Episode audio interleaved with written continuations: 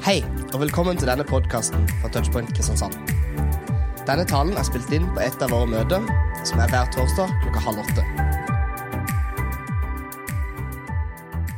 Ok, Fra mandag til onsdag så var jeg på stabstur med eh, de ansatte i menigheten.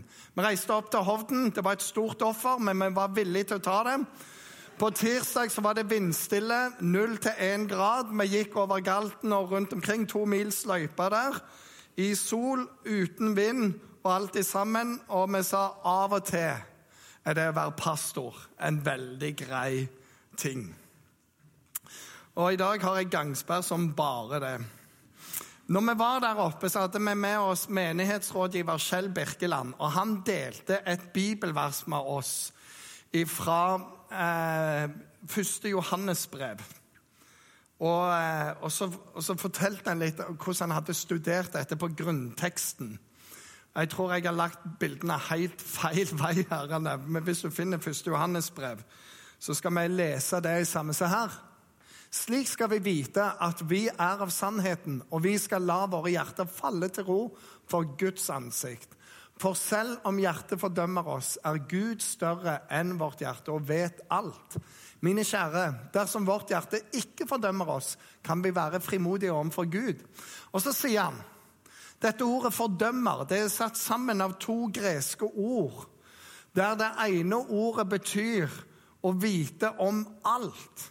Altså Når jeg ser på mitt liv, så ligger det åpent. Alt jeg kan, alt jeg ikke kan, alt jeg har sagt, alt jeg ikke har sagt. Og i det hele tatt. Hele livet mitt ligger åpent der. Og det andre ordet, det Og det holder jeg imot meg sjøl. Når jeg ser på hele livet mitt, så blir summen at jeg holder det imot meg sjøl. Jeg fordømmer meg sjøl. Hjertet mitt fordømmer meg. Jeg blir aldri god nok. Jeg blir aldri helt der. Og frimodigheten er vekke. Og så sier grunnteksten videre, men når Gud ser på livet mitt, så ser han òg alt i livet mitt. Absolutt alt. Og så holder han det ikke imot oss. Det er forskjellen. Så når det står Det sto at Gud er større enn vårt hjerte, og han vet alt det at han vet alt, det at han ser alt i deg. Så ser han ikke fordømmelse, men han ser deg. Og det å vite det og forstå at troen er troen på en som vet alt om meg, og han holder det ikke imot meg. Snarere tvert om så har han et budskap til oss som ikke handler om hvor flink du er, men at han vil at du og jeg, når vi har tatt imot Jesus, skal gå ut i all verden og forkynne evangeliet. Og Det er et par bibelvers vi skal se på her veldig eh, raskt. Eh, det ene kommer opp her. skal vi se. Der trådte Jesus fram og talte til dem og sier, 'Jeg har fått all makt i himmelen og på jorden.' 'Gå derfor og gjør alle folkeslag til mine disipler.' Døp dem til Faderens, Sønnens og Den hellige ånds navn, og lær dem å holde alt jeg har befalt dere. Og se, jeg er med dere i alle dager inn til verdens ende. Gjør alle folkeslag til mine disipler. Det betyr hele jorda. Og så er det et annet bibelvers fra Apostelens gjerninger, kapittel 1. Så står det men dere skal få kraft når Den hellige ånd kommer over dere. Og dere skal være mine vitner i Jerusalem og hele Judea, ut i Samaria, ja, like til verdens ende. Alle folkeslag og like til verdens ende. Og hele talen i dag, det handler om det. At det er du og meg Er du en kristen, så er du en misjonær. Vi er misjonær.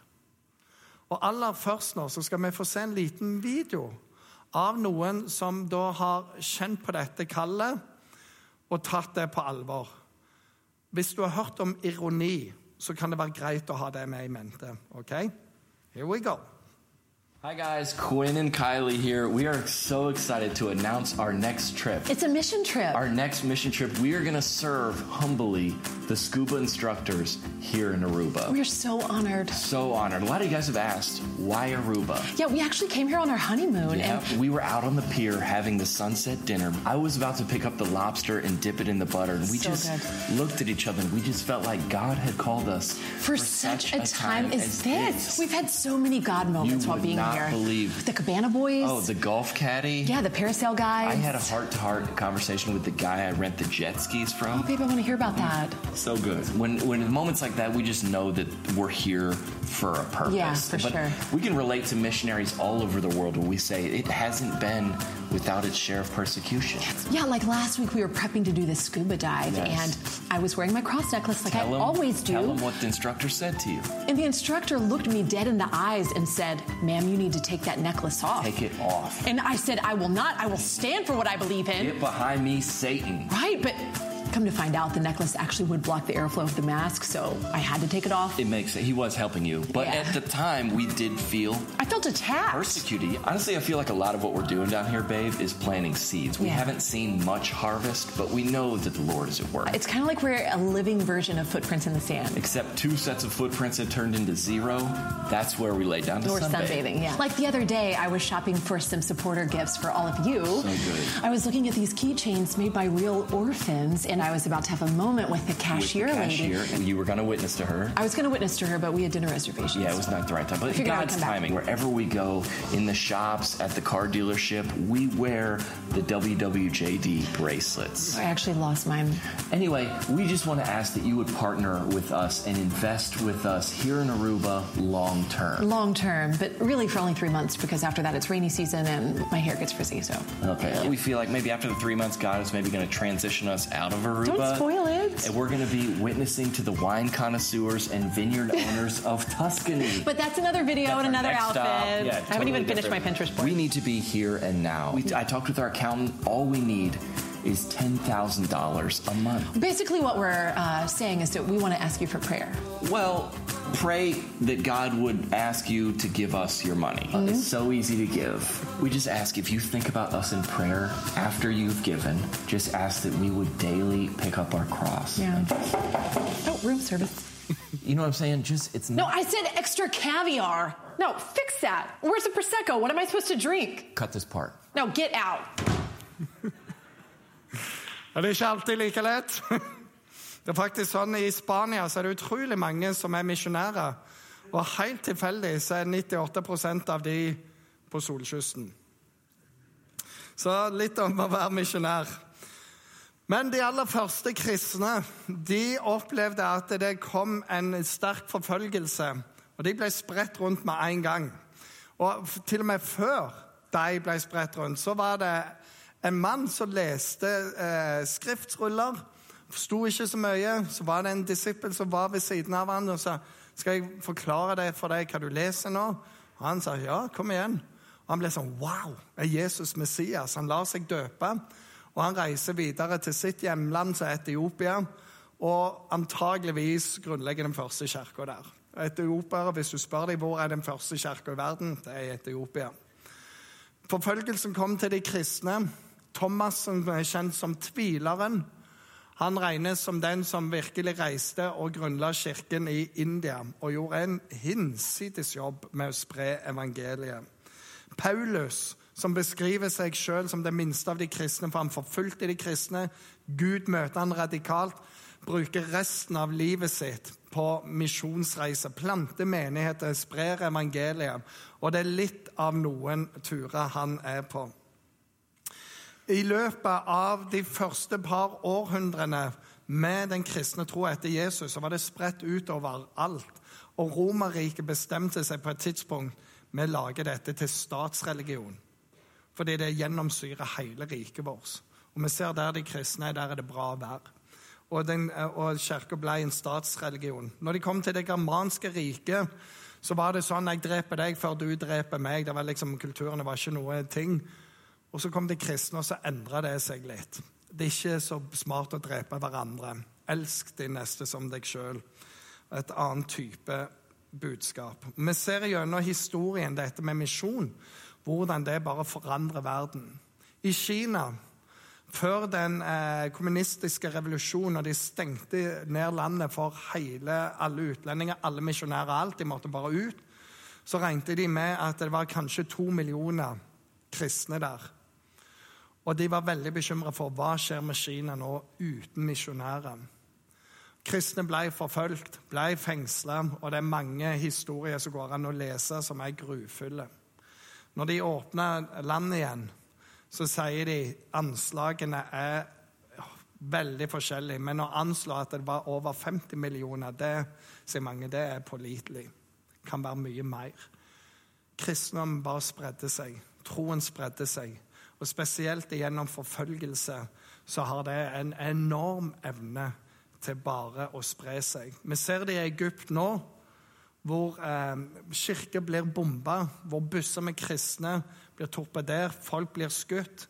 Hvor du er en kristen og jeg bare bor i nabolaget. Politiet går ikke inn og rører deg, men de forteller til alle naboene dine at du er en kristen. og Vil dere virkelig ha sånne? Så fabrikkerer de historier om de kristne hele tida. Hvorpå naboen til slutt samler seg, banker de, plundrer hele hjemmet deres, alt sammen. Møtte en sånn kristen leder. Han viste bilde av ei kirke. Han var helt svart inni. Og så sier jeg grunnen til denne svart er at de bomba kirka. Og Så viser han neste bilde to dager etter bombinga. Da var det bryllup der. Og Dagen etter var det bryllup, nei, gudstjeneste. Og så sier han midt i all den kruttrøyken og alt som er, aldri kjent en så sterk lovsang som det. Og det som mange ønsker de kristne skal gjøre, det er å ta hevn. Ta hevn nå. For da kan vi krige mot de kristne. Da kan vi drepe de kristne. Da kan vi virkelig ta dem. Men de kristne i Egypt har hatt én måte å reagere på. De sier vår kamp er ikke mot kjøtt og blod. Det er ikke mot religion, men det er mot en åndshær. Det er mot en annen fiende. Og vår bibel sier 'elsk det neste som deg sjøl'. Elsk dine fiender. Be for de som forfølger dere. Velsign de som forbanner dere. Jeg Har tatt Jesus sitt budskap, og så gjør de det. Og det eneste responsen de får ifra de kristne, det er at vi ber for dem. Har vært en selvmordsbomberinne. Så sier vi tenker på familien som nå har mista en sønn, en datter, en ektefelle, en far, en mor. Og vi ber for dem. Og det som skjer, det er at rundt i hele den arabiske verden så blir folk frelst. For de ser den kjærligheten som Gud har for oss gjennom de kristne som de ikke ser en annen plass. Misjon er utrolig interessant. Kina, da, som ble lukka og senere åpna, forteller om noen av bibelskolene der. De har eh, satt seg som mål å sende én million misjonærer ut av landet. Og De skal gå langs silkerutene ned tilbake til Midtøsten, tilbake til Jerusalem, der evangeliet kommer ifra.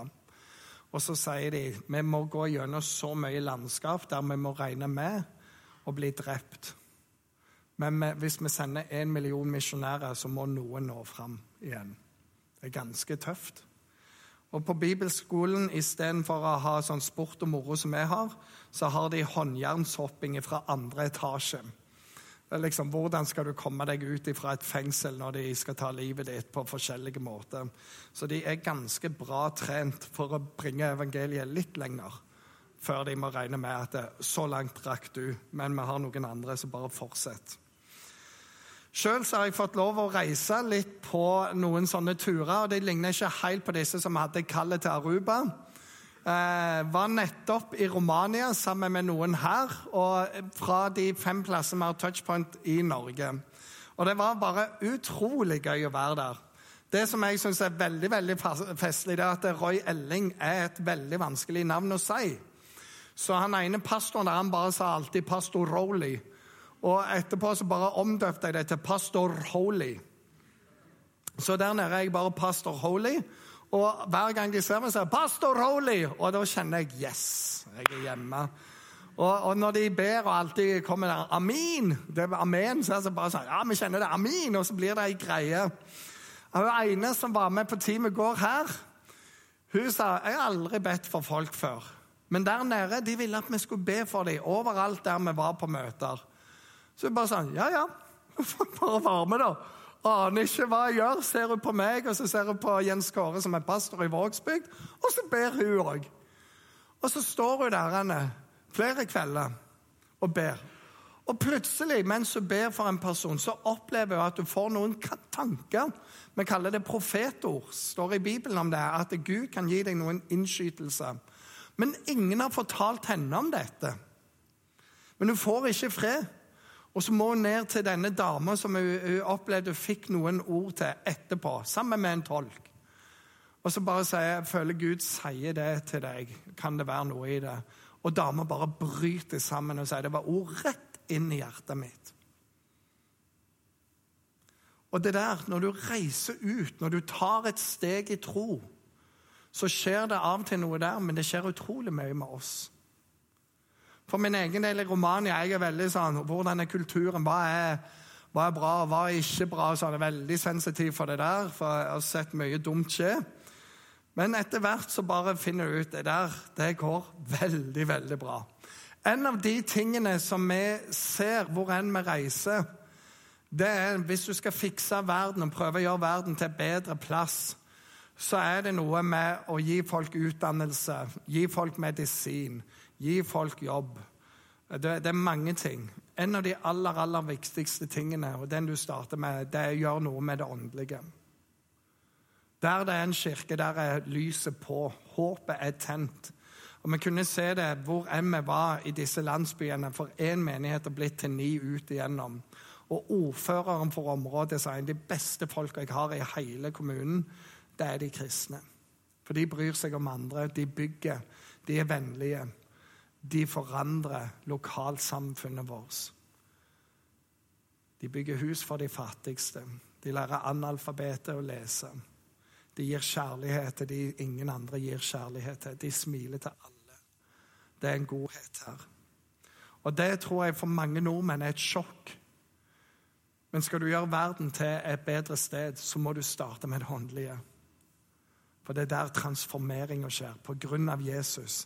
Han vet alt om deg, og han holder ingenting imot deg. Når det budskapet går opp for folk, da skjer det noen ting med dem. Jeg var på en annen misjonstur til Polen med et kor. Jeg har dirigert kor, tenk det. Gospelkor. Skrevet gospelsanger, masse forskjellig. Og så var vi nede der på et turné med koret. Og det var masse stilig som skjer underveis. Jeg, jeg har ekstremt lett for å bli glad i folk. Og, og all slags kultur og all slags mat. Det er bare helt fascinerende. Så Polakkene ble jo glad i med en gang, rumenerne ble glad i med en gang. Og så sitter vi på teltmøte der. Og jeg tipper det er rundt 400. Det var det teltet kunne ta. Det var stappfullt. Vi synger. De likte gospel. De hadde aldri hørt det før, men de likte det for det om. Forsto ingenting på engelsk, men de likte det for det om. Og så hadde vi et dramastykke, for det var veldig, veldig populært og har dramastykker. Fra en som heter Carman. Han har en låt som handler om at djevelen er en boksekamp mot Jesus. Og Jesus han vinner i det djevelen tror han har vunnet. For at uh, djevelen knocker ned på korset. Han ligger død i tre dager, men så reiser han seg opp igjen. Og så er det noe av det der som er helt enormt. For dette spilte vi rundt i Norge. Et veldig bra dramastykke på den tida. Nå ville det sett corny ut. Og ofte når Jesus da reiser seg opp, så er folk litt sånn yeah, yeah. Og så varer stykket tre-fire minutter til. Men det, det, er så bra, for dommeren teller ned så han 10, 9, 8, 20, og så skal han knocke han ut på én. Og så 'He has won', hører du, og så reiser Jesus seg opp. Det som skjer i Polen, det er at 400 mennesker reiser seg spontant opp, og de bare sånn yeah! Woo! Og sånn holder de på i de fire minuttene der. De bare sånn 'Jesus har vunnet!' Og han som spilte djevelen, han har aldri følt seg så overvunnet som da. Og Jesus han var ganske, han kjente seg bra der. Og så slutter hele stykket med 'Satan is defeated and Jesus is the champion'. Og da bare tok de et nytt nivå. Det var bare sånn sykeste jeg har vært med på av stemning. Og alle bare sånn Hå! Åtte stykk ble frelst på det møtet. Og det er sånn jeg kjenner Det er ganske bra å sitte 40 timer på en buss for denne opplevelsen her. Det er misjon, og det er historie du tar med deg resten av livet. Det som er helt utrolig, det er dette. Samme hvor du drar med Jesus, og du treffer menigheter, så treffer du familie. Den følelsen er bare så umiddelbar. Jeg har vært i USA òg nettopp. Liker å reise. Det er en av de tingene jeg ofrer gladelig for Herren. Og Der bodde jeg hos noen som heter Todd og Trudy. Og Trudy hun er ei pen dame. Veldig sånn liker å være pen og pyntelig. Men hun har reist for Herren. Alltid jeg spør hvor mange land har du vært i for Herrens eh, reise. Og hun og mannen de har det med å gi ikke som en sånn ja, vi gir vår tiende, men, men de bare elsker å gi. Hele tida. De bare hele tida så bare øser de ut penger på ting. Så hun sa jeg stoppet å telle land når jeg hadde reist i 60 land. Vært overalt. Og så kan hun fortelle om når de er med stammefolk, var langt ute i jungelen, de punkterer. Og det er litt sånn, og så kommer det noen og bare hjelper dem. Og de tar dem bort til ei lita hytte der. Og så er Masai-stammen. Så sitter de rundt der, og så sier de at de er misjonærer. Som, og så sier å, vi er kristne. Kom inn, la oss be sammen. Og så plutselig var familie der. Og så forteller hun om hvordan hun av og til sitter bare rett ned på sølet, av og til på en trestokk. Av og til er det sånn, av og til er det sånn. Og så sier hun Og så er det familie. Hvor enn vi reiser, så er det familie. Langt oppe i nordvest, inne i India, nordøst, beklager. Langt inn der ingen kommer. Der har de vært. Og så møter de familie. Og så er det noe som er helt utrolig. Der Jesus er herre, der kjenner du deg igjen. Når vi i Romania møter våre kristne søsken der, så er vi familie. Og du blir glad i hverandre sånn. Og vi har det samme felles troen på Jesus, ønsket om at eh, flere skal få ta del i evangeliet, slår aldri feil. Samme hvor du reiser og Jesus er Herre, der kjenner du dette. Det er jo søsken. Og så kan vi av og til tenke at vi har så mye å gi, for vi er så rike som kan gi penger sånn. Men når jeg møter mange av mine kristne søsken, og du verden så mye de gir meg Familie betyr mer, relasjoner betyr mer. Og de leser ofte mer Bibelen, de ber mye mer, de lever mye mer for Jesus. Av og til blir jeg så skamfull over oss med vår overflod på materialisme og vår svakhet og mangelfullhet i det åndelige. Men hver tur gjør noe med meg. Reiser det gjør noe med meg. Så jeg har lyst til å spørre deg, hva er ditt neste steg? For Jesu befaling er gå derfor ut i hele verden. Det er ikke sånn hvis du føler for det en dag, så gå ut. Han sa, 'Meg er gitt all makt i himmelen på jord. Gå derfor ut.' Og dere skal være mine vitner hvor enn dere kommer. En sa det sånn Hva om jeg denne gangen ikke sender mine penger, men sier 'Jesus, her er meg. Send meg'? Hva om du våger å ta det der trossteget? Ok, jeg sier ja til den utfordringen. De fleste av oss har det sånn. Det er skummelt. Første tur til Romania for meg, nettopp hatt den. Det var litt skummelt, må ærlig si det. Og jeg er pastor. Bør jo kunne det. Etter hvert der i to dager sånn, Jeg kommer definitivt tilbake her. Spørsmålet er når, og da skal jeg være forberedt, for nå vet jeg litt her gleder meg allerede. Men det første steget er ofte skummelt. TJ oh, TJ Hjelp meg. TJs pastor han har en fantastisk tale, en sånn skikkelig afroamerikaner. Og så står han der. You know, my mother said you can't change the world from your corner. Og så sier han, Alle vi som er oppvokst der jeg vokste opp, vi hadde et lite hjørne. Gatehjørnet vårt. Det vokte vi. Der sto vi. Og så sa hele tida mora hvis du skal forandre verden, så må du komme deg lenger enn gatehjørnet ditt. Du forandrer ikke verden fra gatehjørnet ditt. Der holder du bare et lite territorium. Kom deg ut! Du kan ikke forandre verden bare med å være på en plass. Og de sier den som ikke reiser, det er som den som leser ei side av ei bok. Får ikke med deg innholdet der. Du får ikke med deg spenningen. Får ikke med deg slutten. Du leser bare første side og sier det samme. Reis, se og lær. Du forandrer ikke verden fra ditt hjørne. Du må noe annet for å klare det. Kraften kommer når du tar et steg i tro. Kommer ikke når du sitter i ro. Når vi var på team nettopp nå, jeg så flere som tok sånne steg, og så erfarte jeg oi, nå har jeg et ord her. Oi, nå kommer noen sånne tanker. Jeg husker jeg var ei dame vi ba for. Alle har jo helseplager. Skikkelig dårlig kosthold. Og når du bor rett på jord og sånne ting. Det kom en del ting. Mens vi ber for ei, så sier hun Jeg kjenner bare en sånn enorm varme inni meg. Jeg tror det Gud gjør noe. Og Vi ba velsigne henne, og hun kom tilbake etter møtet. Jeg kjenner det fortsatt. Det er noe herrene som bare holder på. Det var noen i teamet som ba. Jeg har en kamerat som reiste til Asia, til et av de landene du ikke kan si, men de hadde møte der. Og Hver eneste dag så opplevde de sånne ting. Masse tegn under og mirakler. Og han var sånn Wow, hva er det som skjer her? Det er i hvert fall ikke meg, det kan jeg si, for jeg har jo ikke den troen. Og en dag så skulle alle de andre på teamet der og der og der, og han var igjen.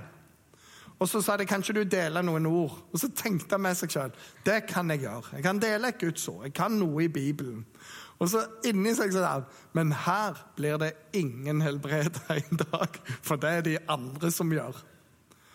Men de andre trodde jo at han var som resten av følget, så sa sier nå må du be for oss. Og de stiller seg opp.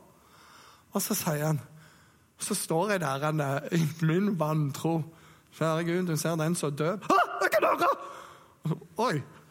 Og så skjedde hun sa, Det var den mest crazy dagen på hele teamet. Det var så mange helbredelser. Og jeg bare OK, dette er ikke meg, Jesus, men dette er veldig kjekt å være med på. Og det var bare helt sånn. Og så har det forandra meg. Forandra mitt syn på Gud. Og jeg kan si det var ikke meg. For den troen hadde jeg ikke, men Gud virka fordi Gud virka. Du må ut. Kraften kommer når du tar et steg i tro. Det er en fare at du blir forandra for alltid. Når vi ser noe av den urettferdigheten som fins i resten av verden, så gjør det noe med oss. Og når vi ser de andre som våre søsken, og vet at noen ikke har jobb, noen blir mishandla, forfulgt, så gjør det noe med oss. Når vi ser urettferdighet, så gjør det noe med oss. Og av og til når vi ser Hvis vi bare kunne ha gjort sånn og sånn, så ville jo det forandre masse. Vi var nå i Romania, så ser vi en ny menighetsplanting i en fattig, fattig landsby. Hvor en mann vågte å trosse et utrolig usunt lederskap. Hvorpå han da mista jobben sin, mista alle privilegiene sine Flytte inn i denne landsbyen uten lønn. Begynne å evangelisere. Og i løpet av et år over 30 kommer til tro. Mange mener det er 50-60, men han holder alltid tallene nede. For han sier hvis du, alt det du skryter av til Herren, det må du betale takkoffer for. Og jeg har ikke penger. 30 har blitt frelst, det kan jeg betale for. Men kan ikke betale for mer enn det. Og vi ser det er flere. Og i denne landsbyen, som ingen omtrent har en jobb så prøver han å bygge ei kirke. Og så sier han det jeg drømmer om, det er å bygge kirke, og det er stort sett ett rom. Men jeg, min store, store drøm det er å bygge ett rom til, sånn at jeg kan sette opp klasserom for alle som bor her, så jeg kan lære dem å lese. Og så er Motivasjonen for å lære dem å lese er at jeg da ønsker på en eller annen mirakuløs måte å kunne gi dem en bibel, så de kan bli kjent med Gud sjøl òg. Alt vi trenger 300 000, så er det fiksa. Og så har han et halvferdig hus, for det har han heller ikke råd til. Han får ikke ei krone for å gjøre det. Det gjør noe med en. Jeg tenker Det der skulle jeg likt å bare fikse. En landsby der alle kan lese. Det gjør noe med jobbmuligheten til alle òg. Og for en mann. Og så får jeg møte noen av ungene hans. Så gjør det noe med meg. Det forandrer deg for alltid. Det står dette i Bibelen. Herrens øyne farer over jorden, og han leter etter hvem er med. Hvem vil gå for oss? Jesaja han responderte først med 'Jeg er en syndig mann, Gud. Du kan ikke bruke meg.' En engel kommer til han og så rører med han og så sier 'Nå er du gjort rein'. Og så responderer han på nytt og sier 'Herre, her er jeg. Send meg'. Likeledes for deg og meg. Om hjertet fordømmer oss, så er Gud større, og han vet alt. Gud ser alt det du ser, men du kan holde deg mot deg sjøl, og Gud holder det ikke mot deg. Han sier, 'Jeg vil bruke deg'.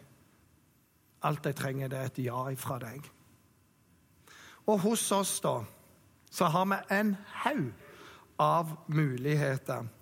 Eh, det som skjer i juni, det er noe som heter Escape and Pray. Mange av dere har hørt om det, men det er så enkelt at dere må være to, to til fire personer som søker om å være et team. Og når dere søker for et ja, forhåpentligvis, så må dere sende inn 2500 kroner. Det er det dette koster. Pluss pass.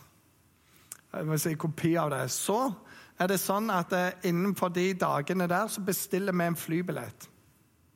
Dere møter antageligvis opp på Skjevik, river konvolutten, og så ser dere der og da hvilken by dere skal være i i to døgn.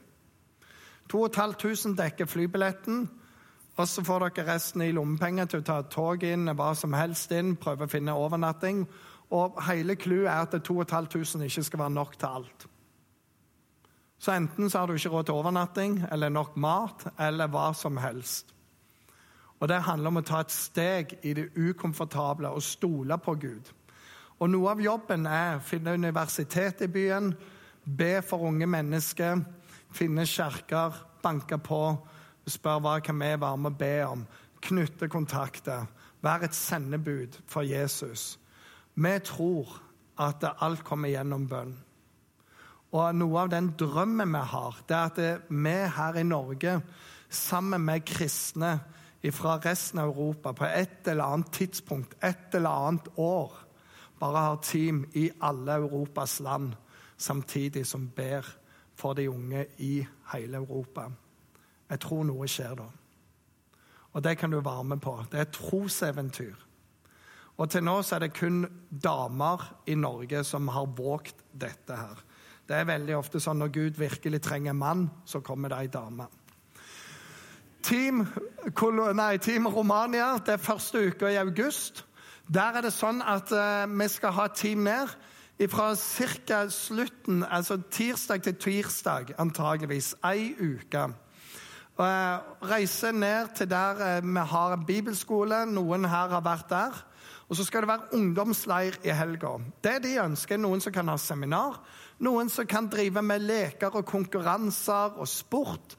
Noen som kan forkynne, noen som kan hjelpe til praktisk, logistikk. Hva som helst. Det er oppgave egentlig for alle sammen. I fjor var det 200 på denne campen. Vi håper at vi fra Norge skal kunne få tak i telt som folk ikke trenger lenger, og kunne sende det på trailer. For for hvert telt vi har, så mange ekstra deltakere blir det. Så overnattingskapasiteten er antallet folk på leir. Vi vet folk blir frelst, og vi vet det betyr utrolig mye for de som er kristne, å møte noen som bryr seg, og bryr seg om å bruke tida. Så er det noe med dette bibelverset. Søk først Guds rike og hans rettferdighet, så skal du få alt det andre i tillegg. Dagen etter leiren er ferdig, så reiser teamet ut til Konstanza, som er badebyen i Svartehavet. To dager der, alt det andre i tillegg. En god måte å avslutte et opphold der. Kan være ditt steg i tro. Ei uke. Flyr fra Skjevik eller Torp ned til Bucuresti og så videre ut der.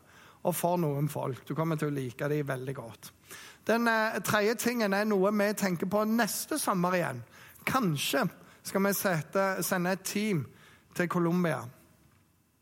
Det kan jo være noe å tenke på og be over. Det kommer nok til å ha en del høyere krav, og det handler litt om eh, mange forskjellige faktorer. Romania er ekstremt trygt der vi er. Ikke sikkert alle plasser i Colombia er akkurat like trygt, men det pleier å gå bra. Bare ta noen forholdsregler. kommer fortere til Jesus. Jeg må ikke si sånn, vet du. Det er farlig. Hvis du var med i Frelsesarmeen før, så måtte du skrive under på regner ikke med å overleve her i kontrakten. Ingen kan saksøke meg i Herren Jesu navn. Så eh, snakket jeg med en god kamerat eh, som sier han jobber for eh, Operasjon mobilisering.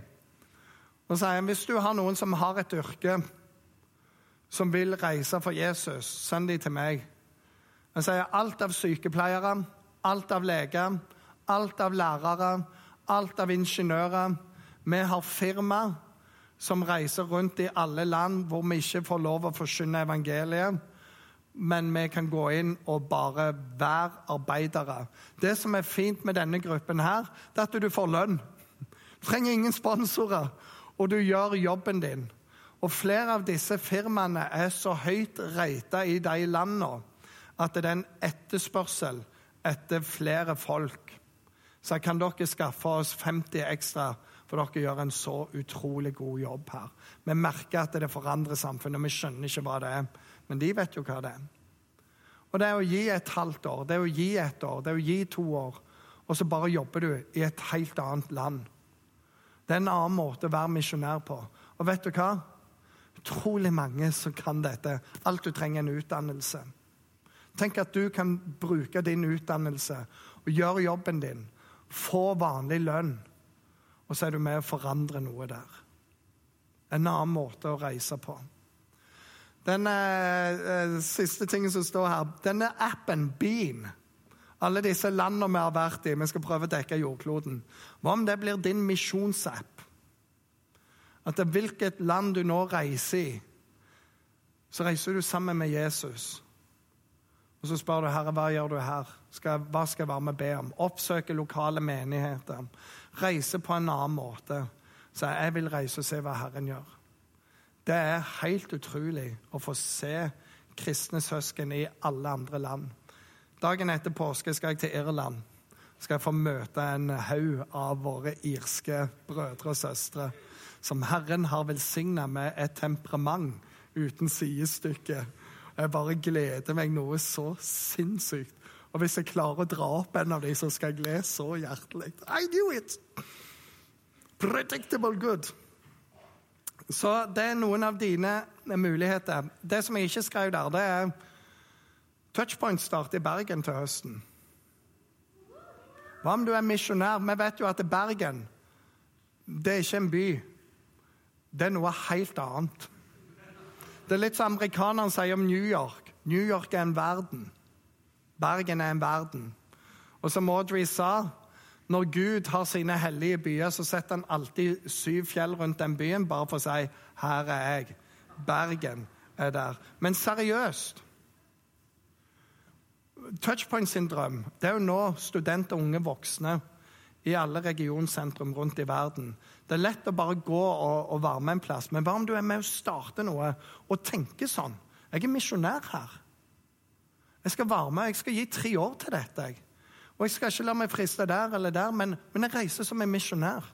Jeg er med å betale prisen, sånn at andre kan nyte godt av det. Jeg fikk en tekstmelding fra Thomas Aas Pedersen. Hvis dere lurer på hvem Thomas Aas Pedersen er, så kan jeg bare si Thomas Aas Pedersen, Fantastisk bra fyr. Utrolig flott. Tale 40 minutter på 20 minutter, ikke noe problem det. Er bare speeder opp, vet du. Halleluja. Han er pastor på Jæren. Og på tirsdag ja, Jæren, det er noen her i dag. To stykk tok imot Jesus. Og vi ser gjennom det som vi gjør, at ca. hver eneste uke så er det noen som tar imot Jesus. En av campusene. Det er det vi står i sammen om. Det er misjon. Eller hva om du er enda mer dristig og sier jeg skal ta tre år i Tromsø eller i Narvik? Jeg skal være student der, jeg skal jobbe der. Og så skal jeg bare gi flatt jern. Målet vårt er å bli 15 stykk. Det er misjon. Hele clouet mitt er du kommer ikke til å forandre verden fra det hjørnet du er på. Og det søte Sørlandet må du spørre Gud om. Hvorfor har du plassert meg her, Gud? Jeg har virkelig spurt Gud om det. Så han sa det er fordi du skal få de andre vekk herifra. Så jeg, OK, den er jeg med på. For jeg ville vært mange andre plasser, men jeg opplever at vi faktisk er plassert her. Har bedt mye om det. Og hvis jeg er her, hvorfor skal du være her? Kom deg vekk! Nei da! Ja, dere vet Jeg blir så glad i folk, så jeg syns det er trist hver gang folk flytter. Og så samtidig så er jeg bare sånn Yes! Men reis som en misjonær. Så om hjertet ditt fordømmer deg, så gjør ikke Gud det. For Guds øyne farer utover jorden, og han spør, 'Hvem vil gå for meg?' Jeg har en bønn for deg. Jeg har hatt flere ting. Hvis dere husker i januar, så hadde vi en taleserie om at i år skal jeg. Og flere har tatt sånn Ja, jeg har fått litt orden på andagslivet mitt. Det var, det var bra. I år skal jeg få meg kjæreste. Det skjedde noe etterpå der. Liksom, de kjæresten og de kjæresten Så eh, akkurat nå, hva om i år, så skal jeg på misjonstur. Eller jeg skal begynne å planlegge den. Meld deg på noe. Utfordr deg sjøl. Og jeg liker best Jeg trodde aldri at jeg skulle, men nå er jeg på vei. Koster det penger? Yes. Det gjør det. Og det er veldig bra. Trenger du forbønn? Oh yes. Men det gjør noe med deg. Så når Herren ser på deg, hvordan blir det? Jeg har to venninner som hadde sånn humorshow, og de sang denne sangen. Jesus, her er jeg, send hun. Jesus, her er jeg, send ham. Jeg vil leve mitt liv i ro og makt for deg.